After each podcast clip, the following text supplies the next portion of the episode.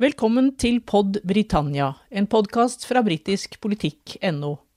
I studio i dag Trine Andersen og Øyvind Brattberg. I dag skal vi snakke om Margaret Thatcher. 4. mai er det 40 år siden hun flyttet inn i Downing Street 10, og Storbritannia fikk sin første kvinnelige statsminister.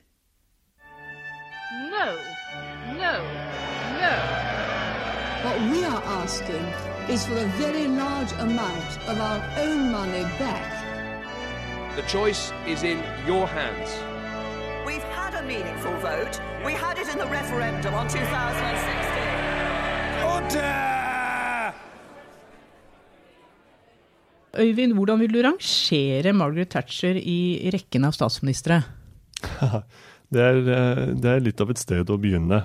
Jeg tror alle, uansett om de begeistres av Margaret Thatchers eh, ideologi og prosjekt, eller det motsatte, at de, at de synes at av, hun var noe av det verste som har skjedd i britisk politikk, uavhengig av syn på hennes gjerning som statsminister, så tror jeg de aller, aller fleste vil mene at hun var eksepsjonelt viktig, at hun var en stor statsminister i betydningen samfunnsformene, eh, en leder som, som, preget sin tid, og som bidro til å endre samfunnet på helt, helt vesentlige områder.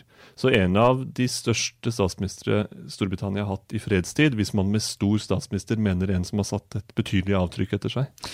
Du nevner jo litt, litt her selv at hun, hun uh, satt litt sterke følelser i sving. Det er mange som mener veldig mye om Margaret Thatcher. Hvorfor tror du det er sånn? Jeg tenker at vi, vi har jo De fleste av oss har jo en oppfatning uh, om 1980-tallets høyrebølge også her hjemme. Uh, og noen syntes at den endringen i politikk, den vesentlige endringen i politikk som, som Høyre under Willoch bl.a. sto for, at det, var, at det var et betydelig brudd, og noe man enten kunne begeistres av eller, eller synes var, var uh, et stort steg i feil retning. Alt dette er jo som en storm i et vannglass sammenlignet med den debatten som foregikk i, i, Storbritannia, og de faktiske politiske endringene som foregikk i Storbritannia. Margaret Thatcher var hva skal man si, anfører, anfører for en, for en høyreorientert politikk på, på, steroider. Altså en enormt eh, omseggripende eh, reformpolitikk eh, i markedsliberal retning. Og det satte sinnet i kok, fordi det åpenbart brøt med det som hadde vært en lang og ganske stabil etterkrigskonsensus omkring velferdsstat og ordninger i arbeidsmarkedet og osv. Hun trakk dette i et stort sprang i retning mer marked, og det var noen til gavn og andre til last. og bidro til å endre både maktforhold og velstandsfordeling i Storbritannia. Og I tillegg til det så, så var hun også en kontroversiell figur i, internasjonal politikk. Altså hun sto for en ganske utilslørt nasjonal, eller til og med nasjonalistisk eh, posisjon i utenrikspolitikken. Og også det skapte naturligvis bølger. Så et, et sterkt, men også veldig splittende lederskap, tror jeg man kan eh, konkludere. Ja, Hun ble jo statsminister i 1979 og satt vel i hele 11 15 år, gjorde hun ikke det? Fram til 1990. Mm. etterlot hun seg et helt annet Storbritannia enn det, det vi så da hun startet som statsminister i 1979? Det gjorde hun utvilsomt. Altså Hvis man ser på, på tallene sånn i, i, hvordan samfunnet og arbeidsmarkedet er, er, organisert, og hvilke oppgaver som løses av hvem osv., så, videre, så så var det jo en, et tiår med storstilte privatiseringer av, av offentlig virksomhet. Det var et tiår med, med, nedbygging av velferdsstat og endring av skattesystemet i, i, retning flatere og lavere skatt. Og det var et, eh, et tiår hvor eh, fagbevegelsen gikk i, på, på, defensiven, altså ble veldig redusert i omfang og innflytelse. Og hvor nye tjenesteytende næringer skjøt i været i, i stor stil. Og det handler jo om Tjenesteytelse kan jo være uh, så mangt, men det som var spydspissen for det, var jo finanssektoren og et, et friere finansmarked som bidro til mange skapte formuer, og, og, som endret maktforholdet, og styrkeforhold i britisk økonomi bort helt ugjenkallelig fra gammel industri og fra spesielt fra nordlige deler av, av, av England, og i retning en, en sterk, overveldende sterk finansbasert eh, elite etter hvert i, i London og omegn, som siden har preget eh, Storbritannia og England især. Mm, vi så jo den krigen hun førte mot fagforeningene under gruvestreikene bl.a. Og eh, hun var jo ikke så veldig spesielt populær i nordover, vel spesielt i, i Storbritannia, var hun det? I de deler av England så sitter jo sitter den, den um, arven i fremdeles. Altså Margaret Thatcher bidro til et fiendskap som har gått i, i, i arv i mange familier i deler av England hvor spesielt der hvor gruvenæringen og, og annen tradisjonell industri gikk nedenom og hjem, eh, og hvor eh, arbeidstakere og deres familier, deres barn og barnebarn, lærte seg å mistro og kanskje til og med hate eh, Margaret Thatcher og hennes konservative parti, og hvor det fortsatt er bortimot umulig å stemme konservativt for en del av de familiene det, det handlet om. Finner vi litt av forklaringen til brexit her også, tror du? Det går mange linjer fra Margaret Thatchers statsministertid til dagens brexit-debatt. Så det, det er jo det er, det er, mye som kan sies om det, og mange steder man kan begynne å nøste. Både i Storbritannias eh, posisjon i Europa, Storbritannias eh, arbeid innenfor EU osv. Men hvis man ser helt sånn spesifikt på de, på de hjemlige eh, forholdene, ulike velgere, hva de ønsker seg, hva de tror på, så er det ett ganske konkret poeng her. og Det er at en del av de områdene som ble bygget ned under Thatcher-tiden, altså hvor det startet en ganske bratt utforbakke økonomisk, hvor arbeidsplasser gikk tapt, og hvor man ikke helt klarte å, å skape noe, noe nytt og bærekraftig, den industrielle bakgården, der var det man fant en del av de avgjørende brexit-stemmene ved folkeavstemningen i, eh, i 2016. Og det var jo litt uventet, for det er jo, ikke, det er jo på en måte ikke de eh, som har stått sterkest historisk sett i brexit eh, noen brexit-kampanje i Storbritannia. De som har ført ordet for å ta Storbritannia ut av EU, har, har tradisjonelt vært ganske velstående eliter på høyresiden. Men likevel var det, da det kom til stykket, ganske så avgjørende at en del av de lavere samfunnslagene fra engelske utkantstrøk, de som seg, har følt seg sveket av samfunnsendringer de siste tiår, inkludert Thatcher-reformene, de endte opp med å stemme for brexit. Mm. Så hun, hun, Thatcher har sin del av skylda her, da? det, det, er jo en, en, sånn, det er jo historiens merkelige ganger osv. For, for um, at, at, det var nettopp de gruppene som skulle ende opp med å ta Storbritannia ut av EU, i hvert fall bidra til at de gikk ut av EU. Det var neppe Margaret Thatchers intensjon den gang at de skulle seile inn i en sånn velgerkoalisjon, men, men, men sånn gikk det. Men Øyvind, mens vi snakker om eh, brexit og, og, og dagens politikk, er det noen likhetstrekk som du ser det mellom Margaret Thatcher og Theresa May? Da Theresa May ble statsminister, så var hun jo løftet fram som en mulig ny Thatcher. Riktignok var det flere som sam sammenlignet henne på tvers, kanskje, med, med, Angela Merkel, som er en kvinnelig leder for, for, vår tid, og som i hvert fall ytre sett hadde flere likhetstrekk med Theresa May. Eh, men det var også de som ønsket å gjøre May til en, til en uh, ny Thatcher. Jeg tror den, den tanken var, hadde lite for seg i utgangspunktet. Uh, Thatcher hadde et enestående politisk mot, en, en veldig Hva skal man si? en, en stahet og en evne til å bekjempe mannshierarkier og, og stange hodet gjennom eh, både stengte tak og dører, og en veldig ideologisk drevet politikk. Men hun var ingen feminist, da? Hun var slett ingen, slett ingen feminist. Hun var en, en, kvinne blant menn, og fortsatte å være det gjennom hele sin, sin tid. Veldig annerledes type politiker enn en meg. Det, det er riktignok noen fellestrekk i, i, sosial bakgrunn, altså en sånn veldig pliktfølelse fra barnsben av, hardt arbeidende, Eh, selv kjempet seg fram gjennom et, et utdannelsesløp som, har, som, tok begge to til Oxford osv. Men det er også veldig mange forskjeller, og jeg tror disse siste årene har vist noen av, hva de, noen, noen av de forskjellene betyr i praksis.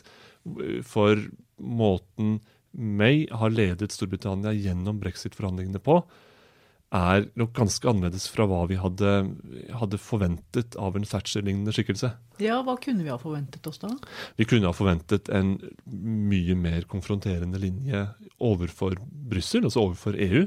Og vi kunne også forventet en, en helt um, skånseløs strategi overfor utfordrere i hennes eget parti i London. For det er jo noe av det som har vært hemskoen, tror jeg, for, for meg, at hun har havnet i, i, i klemma, litt øh, presset av Ikke bare litt presset, men kontinuerlig presset av rivaler i eget parti hjemme. Samtidig som hun har hatt en, en nokså uklar strategi overfor forhandlingsmotparten i Brussel. Og de to tingene henger sammen. Hvis man ikke klarer å, å rydde opp i uenigheten hjemme, så har man heller ikke noen klar og, og, spisset strategi overfor dem man skal forhandle med ute. Og jeg tror Thatcher ville for, Dersom tilsvarende forhandling hadde funnet sted under Thatcher, så ville det sett annerledes ut på begge fronter. Både ute og hjemme, tror jeg. Mm. Men eh, Theresa Mays eh, statsministerperiode kommer vel sannsynligvis til å bli husket først og fremst pga. brexit. Mm. Når det gjelder eh, Thatcher, så det skjedde jo mye i disse elleve og et halvt årene som hun satt som statsminister. Vi har Falklandskrigen, vi har gruvestreiken som vi snakket om. Men hvorfor ble EU vel hennes bane til slutt? Det er et veldig interessant spørsmål. Og jeg tror europapolitikken er også noe av det som, som forandret seg en del i løpet av hennes elleve år i Downing Street. Det var en Det, det tok henne med på en, på en, reise som endte i en, en slags blindvei, stahetens blindvei, hvor, hvor, hun hadde tatt alt sammen for, for langt. Tatt sitt eget ståsted eh, og gjort det til en slags fundamentalisme. Eh, men for å ta det fra begynnelsen av, så, så startet eh, startet Thatcher som statsminister med et helt usentimentalt syn på, på, på EU, eller daværende EF, hun var helt opplagt en tilhenger av um, markeds, altså det, det, frie marked, muligheten for tettere handelsbånd, effektivisering gjennom handel over landegrensene. Altså effektivt varebytte. Frihandel for alle penga. De fire friheter, det var noe hun var for til å begynne med? Det, det var det. Og, altså, dette var jo forut for, for det, det, indre marked. Men, men, nettopp det indre marked med fri bevegelse av eh, varer, tjenester, kapital og arbeidskraft jo, gikk jo helt til kjernen av Margaret Thatchers markedsliberale prosjekt. Storbritannia var en vesentlig pådriver og forkjemper for innføring av det indre marked. For det var jo et bidrag til den frihandelstanken som, som hun ønsket å, å, sette i verk både i Europa og utenfor Europa også, rett og slett. å, åpne opp for åpne opp markeder. Det var, det var, en helt sentral ambisjon. Så det betød jo at, at EU, eller EF, som marked var noe Storbritannia åpenbart hadde interesse av, og som Thatcher også hadde ideologisk interesse av. Så var hun langt mindre interessert i de, de ambisjonene som man møter oftere på det europeiske kontinentet, som handler om å bygge en slags felles europeisk visjon og trekke, en, eh, trekke i gang noe som ligner en, en um, føderalstat med, med, en sterk felles tilhørighet og sterke institusjoner osv. Det var hun langt mindre begeistret for og, langt mer bekymret for. Men det er nettopp her noe av kortslutninga skjer, og som preger eh, den britiske høyresida den dag i dag, og som, helt, som er en del av problemet med brexit også. Margaret Thatcher og hennes meningsfeller ønsket mer marked og et friere og, og tettere integrert marked, men samtidig ville de unngå alt, resten av bagasjen. Der hvor andre eh, av EUs medlemsland mente at skal vi først bygge ned grenser og åpne markeder, så trenger vi institusjoner som kan regulere og matche det markedet.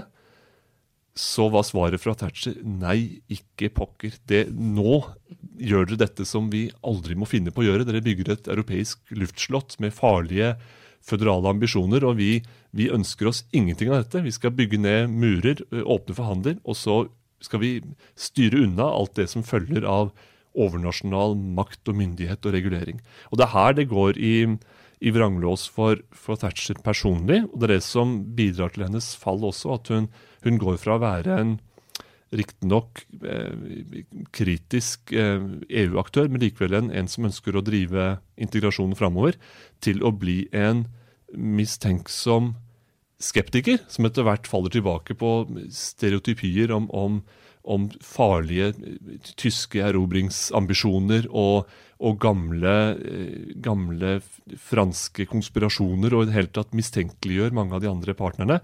Og det er en av grunnene til at hun til slutt blir felt av sin egen regjering. At hun har manøvrert seg inn i et veldig fiendtlig forhold overfor andre av EUs medlemsland, som Storbritannia jo bør samarbeide med. Men ble hun også felt fordi hun ble litt stormannsgal? At hun nektet å høre på så mange andre enn seg selv? Hun dro jo ut av landet mens de forsøkte å, å felle henne i London. Hun, hun jo ikke, var jo ikke der og, og kjempet for statsministerposten sin. Jeg tror stormanns, eh, stormannsgalskap er et, eh, et nyttig begrep her. Og det er jo mange Man kjenner jo igjen andre politiske ledere som har blitt sittende for lenge, og det har dels betydd at populariteten har falt, men dels har det betydd at de har mistet noe av sin politiske teft og blitt mer inngrodd i sine egne oppfatninger, og de oppfatningene har blitt mer og mer, og mer eh, fundamentale, eller fundamentalistiske. Og det er noe av det som skjedde med, med Thatcher. Så hva skal vi konkludere med, da? Hun, hun var en stor statsminister, men eh, hun forsvant kanskje ut på en litt uheldig måte til slutt? En stor, men splittende statsminister, og en, en, veldig, en, en veldig viktig statsminister å forstå for å kunne, kunne få innsikt i dels i politiske konflikter i Storbritannia og, og det som preger dagens politiske debatt, og dels også helt spesifikt det som gjelder Storbritannias forhold til EU. Den tanken om at man skal, eh, man skal ha fri markedsadgang, full markedsadgang, og, og satse maksimalt på det, men unngå enhver form for overnasjonalitet og, og uønskede pengestrømmer til, til Brussel og forpliktelser i Brussel. Man ønsker rett og slett marked, og kun det. Den tvetydigheten er veldig gjenkjennelig i Det konservative partiet, og er en, en viktig grunn til at forhandlingene har gått så har slått inn på et så mm, lite fruktbart spor også, fordi man ønsker seg ting som ikke er forenlige. Og der har man noe Der finner man noe av grunnen til det i den typen politikk som preget uh, Thatchers regjeringstid. No, no, no. What we are asking is for a very large amount of our own money back. The choice is in your hands. A meaningful vote. We had it in the referendum on 2016. Order!